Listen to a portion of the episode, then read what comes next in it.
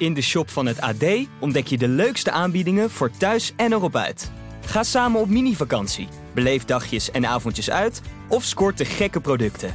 Wacht niet langer en bezoek vandaag nog ad.nl/slash shop. Beschik jij over de meeste voetbalkennis? Speel mee met het WK-spel en stel je kennis op de proef. Daag je vrienden, familie of collega's uit in een vriendenleague en maak kans op geweldige prijzen. Ga naar ad of jouw regionale titel.nl slash WK-spel. Dit is de AD Voetbal Podcast met Etienne Verhoef. Voetballoze en oranjeloze dagen op het WK. Wie kan Frankrijk weer houden van de WK-zegen? Gakpo nu wel weg bij PSV? Vraagteken. En Dick is terug in het betaald voetbal. Dit is de AD Voetbal Podcast van 12 december. En in deze podcast ook antwoord op de vraag. Sjoerd, even kijken, want ik, jij, doet vandaag de podcast. Weet je welke international dit is? Hey, yeah, فوق البحر صافي والأواج قدامي معاه Het is een, eh, een oud international eh, van Nederland. Dus ik geef dat alvast mee. Maar de vraag is een beetje of je weet eh, straks eh, het antwoord op deze vraag. Het is een extra quizvraagje. Heb je al een idee of niet? Jongen, nee, ik heb nog geen idee eerlijk Oké. gezegd. Mooi. Ik begon eventjes eh, met, eh, met het verhaal van de dag. Vier weken lang zorgde Louis van Gaal voor vermaak, ergernis, verbazing, boeiende tactische verhandelingen, psychologische mindgames, volkstheater. Het eindigde uiteindelijk tegen Argentinië. eh, met Lionel Messi met een venijnig handgebaartje duidelijk maakte dat de Nederlandse bondscoach niet zoveel praatjes moest hebben. Het is tijd voor de reconstructie een beetje eigenlijk, hè, wat er misging bij Oranje. Ja, voor vandaag in de krant hebben we... Er valt heel veel te reconstrueren. Je kunt natuurlijk zo'n heel toernooi reconstrueren. Dat is, wel, dat is al bijna een boek. Ja, weet niet of het goed verkocht wordt, want eh, uiteindelijk is het, is het maar gewoon de kwartfinale geworden. Maar er zijn wel aardig wat interessante eh, kwesties. En een van die kwesties was natuurlijk die, die, ehm, ehm, die ruzie, noem ik het maar even, met, met Messi. Met dat eh, handgebaatje van je moet niet zoveel praatjes hebben, trainertje. ja. Wat er natuurlijk heel vervelend uitzag, ook heel onsportief vanuit ehm Van perspectief. Maar je, probe- je probeert een beetje te begrijpen wat is daar nou eigenlijk gebeurd. Hè? Wat is er nou eigenlijk aan vooraf gegaan? Waar, waar is dit nou precies misgegaan? Ja, dat heb ik geprobeerd ook met wat eh, hulp uit Argentinië om dat een beetje te achterhalen en een beetje te reconstrueren. En eh, dat verhaal kunnen mensen in de krant lezen of op, online op premium. Maar kijk, waar de grote lijn natuurlijk op neerkomt, is ook verder geen, geen heel groot geheim of zo. Kijk, Gaal was natuurlijk in zijn media-optredens voor ons geweldig. Ja. Zeer vermakelijk. Soms interessant, soms irritant. En alles ertussenin. Ehm, maar je moet concluderen dat hij eigenlijk in de aanloop naar die wedstrijd te- tegen Argentinië, terwijl hij al zijn details altijd heel goed op orde wil hebben, dat hij toch zijn hand een beetje heeft overspeeld. En ehm, wat ik een beetje heb, eh, heb begrepen ook vanuit eh Argentijnen, is dat uiteindelijk toch dat, eh, een interviewtje dat hij op dinsdag gaf bij, bij de NOS ja. met Jeroen Stekelenburg. Dat was op de dag van de. ehm, ja, was een mediadag. Een zogenoemde tafeltjesdag noemen ze dat. En eh, dat was op het terras van, van het Spelershotel. En ehm, dat interviewtje, dat duurt een minuut of zeven. Als je daar goed naar luistert en je vertaalt dat, eh, dan, en je haalt daar een beetje de goede, citaatjes uit, dan kun je er wel iets bij voorstellen dat als dat zo ongefilterd en een beetje slim geknipt bij Messi terecht is gekomen, dat hij eigenlijk ja, dat hij daar wel enig venijn uit heeft gehaald. Want Van Gaal zegt eigenlijk in dat, in dat gesprekje, dat, dat voor de Nederlandse luisteraar best wel onschuldig, of kijker hem best wel onschuldig overkomt. Maar zegt hij toch echt wel wat opmerkelijke dingen ook over Messi, over, over zijn spel zonder bal en zo. Hè? Dat, dat, eigenlijk, dat hij eigenlijk niet meedoet, daar komt het op neer. Ja. Dat zegt hij eigenlijk bijna letterlijk. Dat hij hem eigenlijk zelf, ehm, nou niet eens per se in zijn team zou hoeven als nummer 9, want hij verwacht van een nummer 9 andere dingen. Meer een teamspeler eh, wil hij daar op die plek. Is hij de beste voetballer van de wereld? Ja, ja. Komt ook een beetje een, een, een terughoudend antwoord op. Hij zegt ook wel aardige dingen over Messi. Hè, dat, hij al, dat hij er groot eh, respect voor heeft dat hij al zo lang aan de top staat en zo. Dus, maar eh, ja, je weet hoe dat gaat. in Plak de- en in de, knippen, hè? media van tegenwoordig. Beetje plakken en knippen, we weten er zelf alles van. En eh, we zijn er zelf ook heel vaak de dupe van, hè, Etienne. Ja. Jij zit ook vaak op pak en knip, plak en knip sites helemaal uit zijn verband gerukt. Etienne Verhoeft haal, Verhoef haalt uit naar Feyenoord of zo staat er dan boven. Ja, en dan weet je alweer hoe, weer hoe laat het is. Dan krijg je allemaal boze mensen aan de deur en boze brieven, toch? Ja, dan, dan stuur ik ze altijd weg en dan zeg ik, ja, god, dan moet je bij de plakken knipsite zijn. Of luister de hele podcast, dus dat is prima. Dat is dan ook, eh, hè? Ja, maar, maar goed, Messi heeft niet waarschijnlijk de moeite genomen om het hele interview eh, te lezen. En ook niet alle stukken in de Nederlandse kranten en eh, noem maar op. Dus die heeft eh, een paar fragmentjes meegekregen. En wat, kijk, wat er onmerkelijk aan is, is toch wel dat, dat Van Gaal natuurlijk, eh, ik benoemde dat net ook al even, een trainer is die, die ieder detail wil, wil manipuleren en beïnvloeden.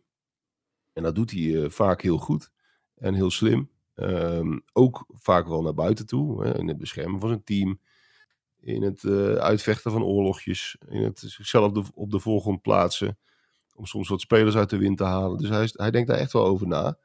Maar hier heeft hij, heeft hij toch niet zo goed over nagedacht, over de impact hiervan. Ja. En of dat slim is geweest, kijk, je kunt nooit weten hoe het was af- afgelopen als hij zich een beetje terughoudender had opgesteld. Maar het heeft in ieder geval niet meegeholpen. Dat bleek wel uit alle opgefokte reacties van Messi en, eh, en onder andere die keeper. Ja, want hij had eerst natuurlijk een paar dagen daarvoor Brazilië ook de maat genomen qua spel, hoe die speelde. Dat hij zei, iedereen speelt die heel aanvallend, vinden zij, maar is ook gewoon eh, reactievoetbal. Eh, dus dat deed hij ook heel bewust Ja, natuurlijk. Dat klopt, maar daar kwam hij toen in de internationale persconferentie heel nadrukkelijk op terug. Van, nou, ik vind Brazilië een geweldig voetballand en bla Dekte hij zich al een beetje in richting de Brazilianen. Bovendien bedoelde hij dat ook wel anders hoor. Dat- want hij zei ook echt, het ging hem echt om de manier van spelen. En vergeleek dat een beetje met de tactiek van Nederland. Maar dat was op zich niet per se een belediging. Nee. Bij Messi, eh, ja, als je, als je, als je goed eh, de dingetjes eruit eh, haalde, of juist niet goed, Ja, dan kun je je wel voorstellen dat dat, eh, dat, dat meer lading heeft gekregen dan nodig was. En nou ja, zo zie je maar dat, dat zelfs Van Gaal eh, wel eens, eh, nou, of zelfs Van Gaal, dat ook Van Gaal zich wel eens eh vergalopeert. En dat is eh, uiteindelijk, nou ja, wat we zeiden, dat is niet goed geweest. Nee, wat mij ook verbaast in dit hele verhaal, we hebben daar in de afloop van die wedstrijd ook over gehad, dat Messi zich zo, liet leiden door al die verhalen of wat er dan zou zijn. Maar dat dus nog altijd het aloude eh artikeltje opplakken op de muur met daarop eh, een goede quote, een goede kop erboven met ze kunnen er geen reet van of dat soort dingen. Dat dat zelfs bij een ervaren wereldster als Lionel Messi, die al zo lang aan de top staat, dat nog altijd werkt om iemand dan even nog een stapje extra te laten gaan. Kinderachtig, hè? Ja. Het is zo kinderachtig. Maar dan, ja, daar zit er toch in, dat schuilt toch in wel heel veel eh, topvoetballers, hoor. Een, een soort kinderachtige, kinderzinnenachtige eh, drive. Dat is ook een van de redenen vaak dat ze, dat ze het halen. Die, eh, voetballers kunnen niet goed relativeren. Oud-voetballers ook niet. Ze zijn ook altijd een beetje jaloers, zijn ze. Op, op de, de generatie van Ja. nu. Hè, want zij waren natuurlijk beter, weet je wel. Dat soort, wat dat betreft zijn net kleuters. Ja, dat zit in Messi dus ook. Dat bleek ook wel natuurlijk in die reacties. eh, het was natuurlijk zwaar over de top. hoe Messi reageerde. Ehm, maar goed, ja, het was misschien slimmer geweest als Van Gaal eh, heel diplomatiek was geweest en Messi eh, 380 veren in zijn reet had gestoken. was misschien eh, strategisch beter geweest. Ik ben benieuwd hoe Van Gaal hier nou, als hij eh, zometeen aan de kerstdis zit met de familie en met Truus, en dat dan het eten op tafel staat, heeft hij dat stuk nog voor jou eens erbij gepakt. En dan zegt hij, oh, dit staat in het AD. Maar zou hij dan op een gegeven moment ook denken, ja, eigenlijk, eigenlijk heb ik hier toch wel iets, misschien had ik iets anders aan moeten pakken. Ja, van Gaal is niet van, eh, van, de, van de zelfreflectie in kritische zin over het algemeen. Van de andere kant, hij is ook wel op zijn eigen specifieke manier. eh, Is hij op een gegeven moment ook wel in gaan zien dat hij. eh, in die penaltyreeks bijvoorbeeld tegen Argentinië in, in 2014. Dat hij toen eigenlijk eh Krul had in moeten brengen. Daar heeft hij zelf nog wel eens de balen van. Dat is toen ook wel eens meteen, ook vrij kort na die wedstrijd, hebben we dat ook toen wel gezegd en geschreven. Ik weet niet meer precies in welke context allemaal. Maar da- da- daar heeft hij achteraf toch wel van gezegd, ja, dat was misschien niet de goede keus. Hij dacht toen dat hij nog kon winnen en daarom bracht hij Huntelaar. Maar daardoor was eh, de penalty-serie wel, eh, ja, wel eh, minder spectaculair en, en uiteindelijk kansloos tegen Argentinië. En wat mij dan weer in dat verba verbaasde, ik bedacht me dat gisteren, hadden natuurlijk gisteren in de podcast uitgebreid over die penalty-serie gehad, nog met Mikkels en met Maarten. Maar dat eigenlijk elke bondscoach brengt zijn eigen trauma mee uit zijn club- of bondscoachperiode. Van, eh, bij, en, en dat neemt hij mee en dat projecteert hij op Oranje. Want deze hele cyclus van het afgelopen jaar rondom de, de strafschoppen, het oefenen op strafschoppen, de spelers die op de trainingen ermee bezig moeten zijn, heeft allemaal te maken met 2014, het trauma van Van Gaal eh, tegen Argentinië, die strafschoppenserie. Dus je neemt eigenlijk steeds iets mee van een trainer. Dus vraag is een beetje, wat zometeen het trauma van Koeman, wat hersteld moet worden? Want dat zijn een beetje de dingen die je dan terug gaat zien, toch, bij een coach? Ja, het, is- het, is al, maar het is al bijna, dat penalty-verhaal is natuurlijk al bijna een nationaal trauma. Want we hebben geloof ik, Ja, van de tien series of zo, hebben we er twee gewonnen geloof ik. dat is waar. Tegen Costa Rica en tegen Zweden. En wij zijn hier, ja, dat is ook bijna een boek waard, maar eh, ik heb er ook geen verklaring voor. Misschien is het allemaal amateurpsychologie, maar het is toch wel heel frappant, om maar eens een schitterend woord te gebruiken, eh, dat, ehm, dat wij die, die penalty-series altijd verliezen en bijvoorbeeld Kroatië er al zoveel profijt van heeft gehad op de afgelopen twee WK's. Het is bijzonder, hè? Ja, en Engeland. Duitsers nu ook twee op rij zijn natuurlijk. over het hè? algemeen- Ja. Engeland is er ook heel slecht in en Duitsers zijn over het algemeen juist weer goed in. Ja, het is wonderlijk. Ja. ja, er zijn zelfs mensen die op Twitter nu zeggen, naar aanleiding van de discussie gisteren, kunnen die voetballers geen oordopjes indoen, dat ze zich even afsluiten met, met muziek op, met AirPods, dat kan toch allemaal tegenwoordig, maar dat ze even afzondering hebben en dat soort zaken. Ja, Ja, nou ja, goed, kijk, ook, ook als je deze, hoe goed de voorbereiding dan ook was hè, van Van Gaal, misschien wel te goed in de zin van dat er eh, wel een enorme heisa om werd gemaakt. Ik geloof dat Mikos dat ook zei. ja. Eh, dat je misschien het wel te groot maakt zelfs. Hè? Dat je het eerst misschien te klein hebt gemaakt, dat je het nu juist weer te groot maakt. Ik denk dat daar best wel wat in zit. Maar dan nog eh, kon je ook in deze serie wel weer best wel wat momenten herkennen. Dat je denkt van ja, als je het dan toch, tot zo, toch zo minutieus voorbereidt. Ehm, la- zorg er dan bijvoorbeeld altijd voor dat op, op ieder moment dat ehm, bijvoorbeeld Noppert de bal aan de Nederlandse speler geeft. Ja. In plaats van dat je die Argentijn dat eh, allemaal laat eh, doen en verkloten. Dat zijn ook van die, van die mind games. Waar je dan misschien ook wel in je voorbereiding heel erg rekening mee moet houden. Noppert was natuurlijk ook ehm, best wel braaf. Hè? Zeker vergeleken bij die Martinez. Ja. In, in de bena- benadering van spelers. In het, eh, jij hebt het notabene nog, nog voorgedaan hoe je op de doellijn moet gaan staan. We hebben het allemaal laten zien. Met je handen. ja precies. Ja. Niet gekeken zeker, geen ontvangst in Qatar. Ik denk dat hij de, de AD-video-update dan toch gemist heeft die dag. Ja, of, ze, of zijn, eh, zijn databundel was op, dat schijnt ook nog wel eens een probleem te zijn in Qatar natuurlijk hè.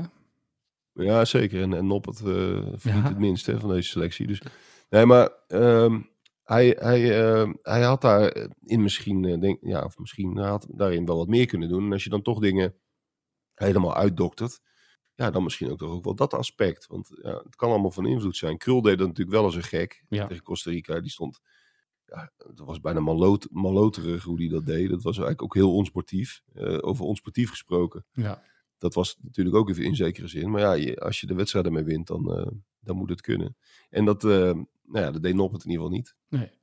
Hey, nasleep van dit WK, eh, de eerste twee wedstrijden was natuurlijk Nederland in de band van Cody Gakpo, die met zijn doelpunten eh, Oranje in ieder geval op weg hielp in slechte wedstrijden. En toen het spel niet goed was, maar wel in de uitbraak dat goed deed.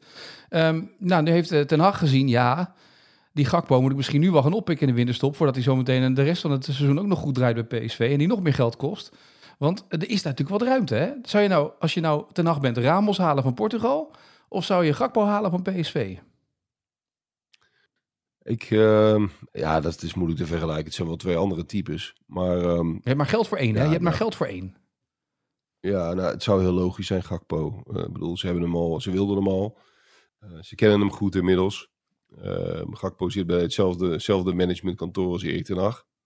Dit kan ook eh, helpen in het maken van zo'n deal. En ja, ik kan me goed voorstellen dat een club als Liverpool ook best wel geïnteresseerd is in, in Gakpo. En ik, ik heb wel eens begrepen dat Liverpool, dat is, dat is eigenlijk een club die, die vaak in de winterstop een speler vastleggen en hem dan pas in het, in het seizoen daarop eh, laten instromen. Of in de, in de zomer, zeg maar. Ja. Ik moet zeggen dat dat, ik weet niet of dat een optie is voor, bij United of bij Liverpool, maar dat zou voor Gakpo denk ik heel goed zijn. Ja, nu alvast de zekerheid hebben voor constructie. volgend jaar. PSV ook die constructie. Weet ze alvast, we krijgen dit. Prima. En dan... Zou ideaal zijn. Ja. Bovendien denk ik ook echt dat Gakpo een speler is. Dat heb je toch ook op dit WK in de, bijvoorbeeld tegen Argentinië gezien. En iets mindere mate tegen Amerika. En eerder ook in de Champions League. Het is niet zo dat je een kant-en-klare topspeler krijgt. Hè? Ondanks dat hij drie goals heeft gemaakt in de groepsfase. En dat was wel tegen de wat mindere landen, laten we eerlijk zijn. Het is niet, niet zo dat, dat je met Gakpo in de Premier League gelijk eh, weet van nou, eh, we, hebben er eh, tien goals bij. Nee. Daar kun je er zeker niet van uitgaan. Dus ik zou dat best wel een logische constructie vinden. Vaak is het ook beter om in de zomer aan te sluiten bij een team. Want eh, het is maar een hele korte winterstop en dan val je er middenin. Heb je eerst nog een paar maanden nodig om een beetje te wennen. En dan is het seizoen eigenlijk alweer eh, weer afgelopen. Je kunt als club ook denken, laten we dat halfjaartje maar pakken als, als voorbereiding. Dat is ook een theorie. Maar voor Gakpo zelf en natuurlijk zeker voor PSV en voor de Nederlandse competitie... zou dat natuurlijk een goede oplossing zijn. Maar ik weet niet of het haalbaar is. Nee, want over twee weken begint United alweer aan het vervolg van de competitie. En, en Van Dijk moet ook alweer over twee weken aan de bak met Liverpool. Wat dat betreft is het natuurlijk een soort rariteitenkabinet. Even een week rust en dan weer trainen. Ja, maar een gek idee toch? Ik, Ja. ik zat vanmiddag in het mediacentrum in Doha. En zelfs in de metro zat ik met een VPN-verbinding naar Willem II NAC te kijken. Ja, daar wilde Dat ik is ook een hele, over- hele ja. rare gewaarwording. Ja, daar wilde ik het zo terug over hebben met je. Want wat daar allemaal gebeurde, eh, dat is inderdaad, daar moeten we even op terugkomen. Maar goed, dat is wel de, de fase waar ze in zitten. Ja, en voor Gakpo, voor PSV is het natuurlijk wel lekker als ze eh, hem nu kunnen cashen. Want dan weet je in ieder geval dat je het geld krijgt voor komend jaar. Dat is een beetje, hè, dit is het moment. Zeker, en, en ze hebben natuurlijk een goede onderhandelingspositie, want er zijn natuurlijk meer kapers op de kust. En ze, hij heeft natuurlijk op zich een goed WK gedraaid. Ja. Dus die prijs eh, is best wel interessant. En ja, het is algemeen bekend dat PSV een speler moet, ver- moet verkopen. Eh, maar dat gaat met Gakpo heus wel lukken. Dus je kunt eh, een beetje de deals naar elkaar naast elkaar leggen en dan eh, cashen. Ja. Wie gaat Frankrijk van de WK-zegen afhouden? Ja, als het één land moet zijn, dan zou ik toch denken Argentinië. En eh, niet zozeer qua kwaliteit alleen, want ik vond het eigenlijk nog wel, nog wel een- ik vind het nog steeds eigenlijk wel een, een, een, nou, een matig elftal is, is, is het natuurlijk niet, want dan je niet in de halve finale, maar het is wel on- net iets onder de top, absolute topfavorieten. En dus ook iets onder Frankrijk, vind ik. Ehm, maar tegelijkertijd, ja, en dat is niet alleen maar om kinderachtig te doen over die gele kaart tegen Nederland. Maar het is wel een voorbeeldje. Ehm, je merkt hier aan alles dat mensen willen hier gewoon dat het het WK van Messi wordt. Eh, dat merk je aan het publiek. Iedereen is hier helemaal Messi gek. In deze contraien is Me- Messi de, de absolute grootheid. Als je hier de Arabische televisie aanzet, eh, gewoon sportzenders. Messi komt werkelijk in iedere commercial voorbij. Je, weet- je weet niet wat je ziet. Je krijgt zes Messi-commercials achter elkaar. Wat verkoopt hij dan? Pepsi, Pepsi Cola, dan is het weer een of ander telefoonbedrijf. Dan prijs je natuurlijk Saoedi-Arabië aan, hè. Ja? Want Messi eh, kijkt niet op een dubieus regime eh, meer of minder. Dat maakt hem allemaal geen ene reet uit. Nee. Als hij maar kan cashen. Mensenrechten heeft hij dikke vette scheid aan Messi. Dat, eh, daar is hij helemaal niet mee bezig. Totaal niet van onder de indruk. Dus, dus hij, hij vult zijn zakken waar hij maar kan. En eh, echt op ieder spotje, in ieder spotje in de rust zie je Messi in, in, in tal van verschijningsvormen zie je die voorbij komen. Dus hij is hier in het Midden-Oosten, is, is hij by far de grootste. En dat is natuurlijk ook logisch, want het is ook de, de, de grootste. Maar eh, mensen zijn er zo wild van dat je heel erg het idee en het gevoel krijgt. Dit moet op, hè, in Qatar, juist op dit toernooi. ehm, ja, Messi moet het gewoon worden. Het zou de FIFA natuurlijk goed uitkomen. Voor het verhaal en voor de uitstraling eh, van het toernooi. En ja, het zou mij niet verbazen als, dat, als we dat tegen Kroatië nog wel een beetje terug gaan zien in die halve finale. Ik denk dat die Kroaten zich daar wel een beetje tegen moeten gaan wapenen. Dat, eh, dat Messi beschermd moet worden. Overigens bedenk ik bij nu, dan moet de frustratie bij Cristiano Ronaldo natuurlijk wel dubbel zo groot zijn. Eén, hij zat op de bank bij United, komt dan binnen bij Portugal als de grote man, wordt op de bank gezet, maar zet dan s'avonds even zeppend de televisie aan om te kijken wat er is. Ziet hij daar weer Messi, Messi, Messi. Die wordt toch helemaal gek, of niet? Ja, maar v- vond je die, die, eh, die huilbui, vond je die er oprecht uitzien? Nou ja, hij is niet mee met Portugal terug, dus ik denk dat hij wel ergens een oprecht draadje heeft gelaten, of niet? Ja. nou ja, god, het, dat, was, dat was toch ook weer goede tijden, slechte tijden acteerwerk. of niet? Zeker, zeker. Dan zo, zo met, die, met die handen zo in zijn ogen gedrukt, half snikkend, zogenaamd voorbij lopen. Het, was allemaal weer tenenkrommend, man. Ja. Die man is, die moet toch eigenlijk ook een beetje tegen zichzelf in bescherming genomen worden. Qua, Ja. qua, qua grote ster. Eh, doet, niet, doet niks af van alles wat hier aan vooraf is gegaan. Hè? Want hij heeft een, natuurlijk een ongelofelijke carrière gehad. Maar zegt er in zo'n afgelopen half jaar nou niemand tegen hem van... eh Chrisje, ga eens even zitten en doe eens even gewoon normaal, man. Nou, ik denk dat Erik ten Hag dat heeft gezegd, alleen dat dat niet zo overkwam. Nee, maar dat, dat niemand die man corrigeert ook. Ja. Of in staat is daartoe. Je gaat toch op een gegeven moment... Als je echte vrienden hebt, die zeggen dan toch op een gegeven moment ook van... ja, hou er rekening mee dat je misschien op de bank kunt komen. Want je bent niet, ja, het, het wordt gewoon moeilijker nu. Dat zie je toch zelf. Ja, Maar blijkbaar heeft hij dat niet in zijn omgeving. Hij gelooft nog steeds dat hij dezelfde Ronaldo is als vijf jaar geleden. Dat is toch bijzonder. Ja, maar hoeveel topsporters dat- hebben daar geen moeite mee? Ik bedoel, kijk nou nu, eh, bij Ajax wordt natuurlijk omgekeerd natuurlijk met Tadic en met Blind natuurlijk ook een beetje hetzelfde. En is daar, wie, wie zegt er iemand in de omgeving van Blind, joh, ik denk dat Schreuder volgend jaar gaat kiezen voor Wijndal en misschien dat hij andere opties heeft, zou een andere club Ja, gaan maar, kiezen. maar dat is heel normaal, Etienne. Maar dat, dat, is, dat is doodnormaal. Dat, Ja. Daar is ook niks mis mee. En dat kan ook hartstikke moeilijk zijn voor een topsporter. Dat begrijp ik wel. Maar hij maakt ook van die rare inschattingen, Ronaldo. Hij, hij, in, in heel zijn, zijn gedrag en in heel zijn, zijn, zijn, zijn potsierlijke houding... eh, zit gewoon geen enkel eh, realistisch zelfbeeld meer. Nee. Dat snap ik wel, dat je na al die jaren... dat je nog steeds denkt dat je de grootste ter wereld bent. Maar juist dan heb je goede vrienden nodig. Die zeggen, eh, vriend, eh, dit gaat hem niet meer worden. Nee. En, en je, gaat, eh, je, zult ermee moeten leven dat je de, de af, de, af en toe in het laatste half uur inkomt. Maar dat is het. En, en ja, dat, dat, dat blijf ik verbazingwekkend vinden. Dat, dat, dat niemand blijkbaar dan kan of lukt. Nou, dat zat in het interview natuurlijk ook al wat hij in Engeland gaf voor het WK. Daar zat natuurlijk precies diezelfde houding in. En nu ook, de andere kant is, ik snap ook wel weer dat dat dus niet gebeurt. Want hij krijgt gewoon een aanbod van 200 miljoen per jaar om te gaan spelen in Saudi-Arabië. Ook al zegt hij zelf dat het nog niet een done deal is. Maar ja, Ja, weet je, bij al, al shawarma eh, Ja, of zoiets. bij Al Nasser. Maar als zou je daar Nee, nog, als zou je daar gaan spelen, dan, dan kijk naar het geld wat je krijgt. Dan dat laat toch iets, dat doet toch ook wat met zijn status voor hem. Dan zegt hij toch, kijk eens wat ik verdien per jaar, 200 miljoen. Wie krijgt dat dan? Wie krijgt dat? Ja, nee, tuurlijk. Dus- Eh, dus dat- is er niemand die wel. dat- Maar, maar, hij ziet, ja, maar hij ziet toch ook wel dat er verder geen enkele andere club in geïnteresseerd is. Behalve, ik bedoel Ja. dat helemaal niet oneerbiedig al, uh, shawarma. Maar het, is natuurlijk een club van niks. En een niveau van niks. Dus dan, dan, dan heb je toch op een gegeven moment wel begrepen dat, dat, dat het misschien allemaal iets minder is. Ja, Goed. ik, Anyway. het, is, het is boeiend wat dat betreft met hem. Nou goed, eh, laten we kijken of de Argentijnen dat kunnen doen. Eh, la- het was trouwens ook de dag, ja, je zei het net al, je hebt in het mediacentrum zitten kijken gewoon naar Willem II NAC als het over crisis hebben. Je hebt vaak crisis is de bus opwachten. Maar eh, de tegenstander in het stadion houden en de voorkant van het stadion enigszins bestormen, is ook wel dikke crisis natuurlijk bij Willem II. Ja, dat was wel eh, een crisis, ja. En nou ja, even los daarvan nog. Het is wel bijna surrealistisch om eerst de hele tijd naar WK-wedstrijden te, te kijken. Ja. En dan opeens bij Willem II NAC binnenvallen. Want laten we nou eerlijk zijn, NAC is natuurlijk ook dramatisch eh, Ja. dit seizoen. Dat klopt. En eh, dat was echt een wedstrijd in, zeg maar, recht, van niveau rechter rijtje eerste divisie. Er stond natuurlijk al heel veel druk op en eh, iedereen in paniek daar. Nou, werkelijk waar, het leek helemaal nergens op, man. Het was niet om aan te zien.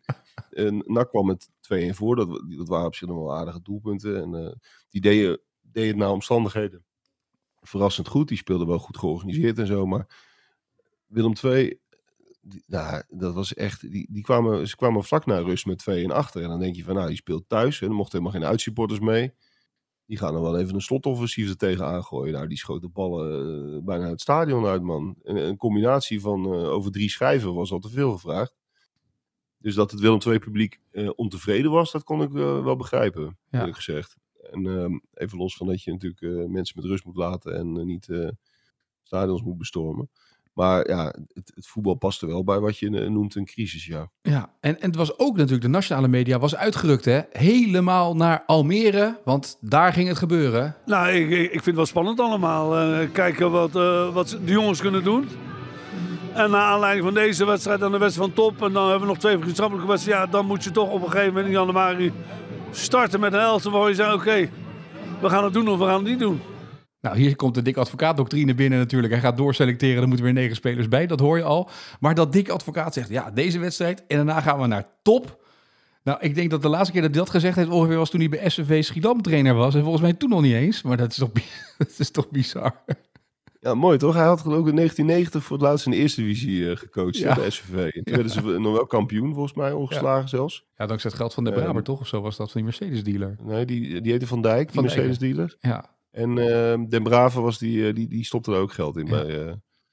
Maar ehm, god, het is ook wel weer mooi toch? Ja, en inderdaad, hij zal ook, zoals ik schrok van het niveau bij Willem II NAC, zal hij ook wel geschrokken zijn bij het niveau van eh, Almere tegen Den Haag. ja. Ja, dat kan bijna niet anders. Nee, Als je op dat niveau gewerkt hebt. dat denk ik dus ook. Ik vind Maar het mooi dat was- hij doet. was- maar 4-1 Nee, tuurlijk, on- 4-1 daar hadden we het over onderuit. toch? Ja, precies. Ja, nee, het is hartstikke mooi dat hij doet. Maar die, die schrikt zich natuurlijk helemaal de pleuris. En ja, inderdaad, die gaat straks in de winterstop natuurlijk weer... eh, gaat hij zich weer beklagen hoe slecht dat elftal is. Dan denk je van, ja, maar dat wist je toch van tevoren. Ja, Maar goed. Maar dan moet je dus, ik vind, ik vind dan toch, ben je 75 en dat je dan inderdaad, dan heb je Zenit getraind, PSV, je bent bondscoach geweest een aantal periodes.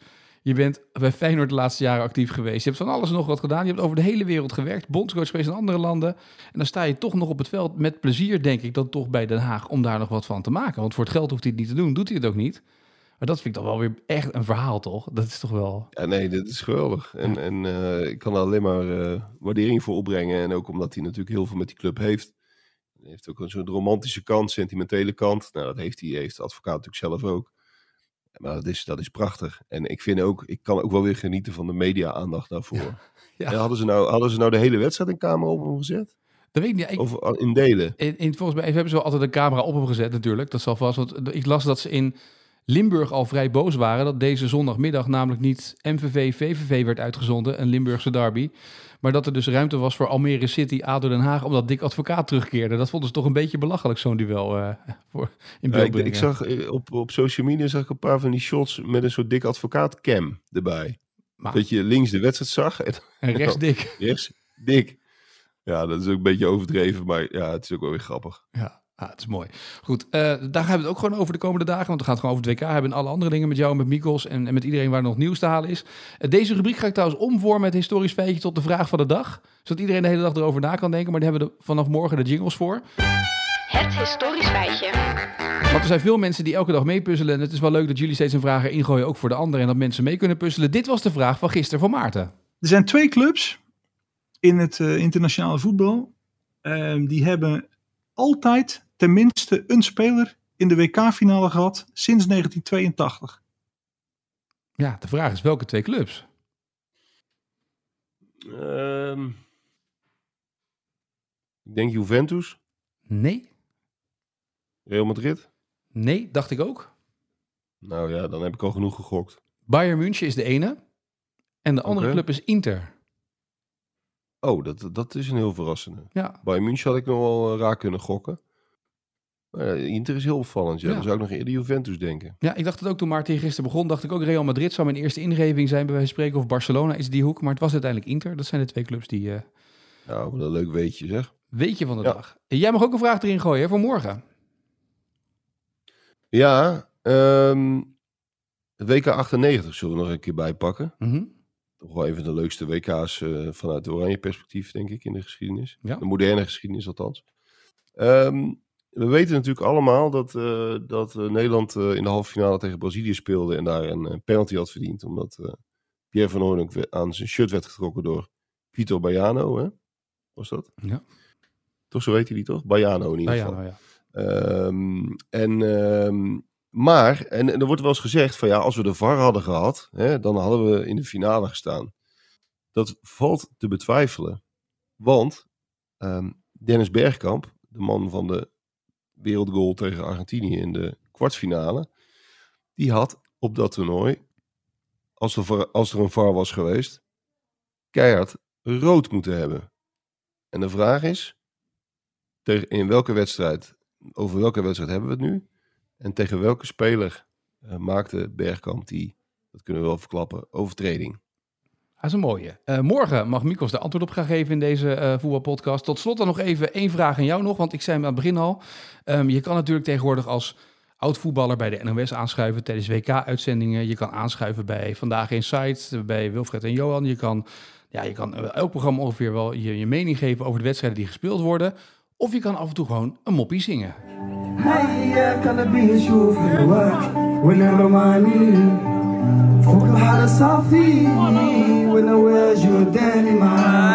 als hier nu een camera op had gestaan, dan hadden mensen jouw blik kunnen zien en had je gedacht, wie is die? Het geen idee wie het is, hè?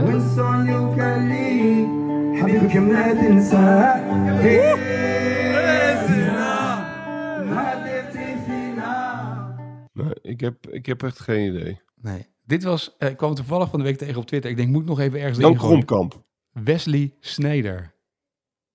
Oh, echt? Ja, Of was dat op die Turkse bruiloft? Ja. Of Marokkaanse bruiloft? ja. Oh, dat. Ja, ik heb het wel voorbij zien komen, maar ik heb het niet, niet geluisterd. Ik dacht, ja, laat maar even gaan. eh. Maar wil- ik ik ja. vond het nog wel meevallen. ja, stel netjes toch? Ging heel goed. Ja. Ja. Goed gedaan van Wesley. Vond ik ook. Nou, wat een mooi fragmentje om eh, deze podcast mee af te sluiten. Morgen een nieuwe met Mikos. Mooie dag voor vandaag, eh Sjoerd.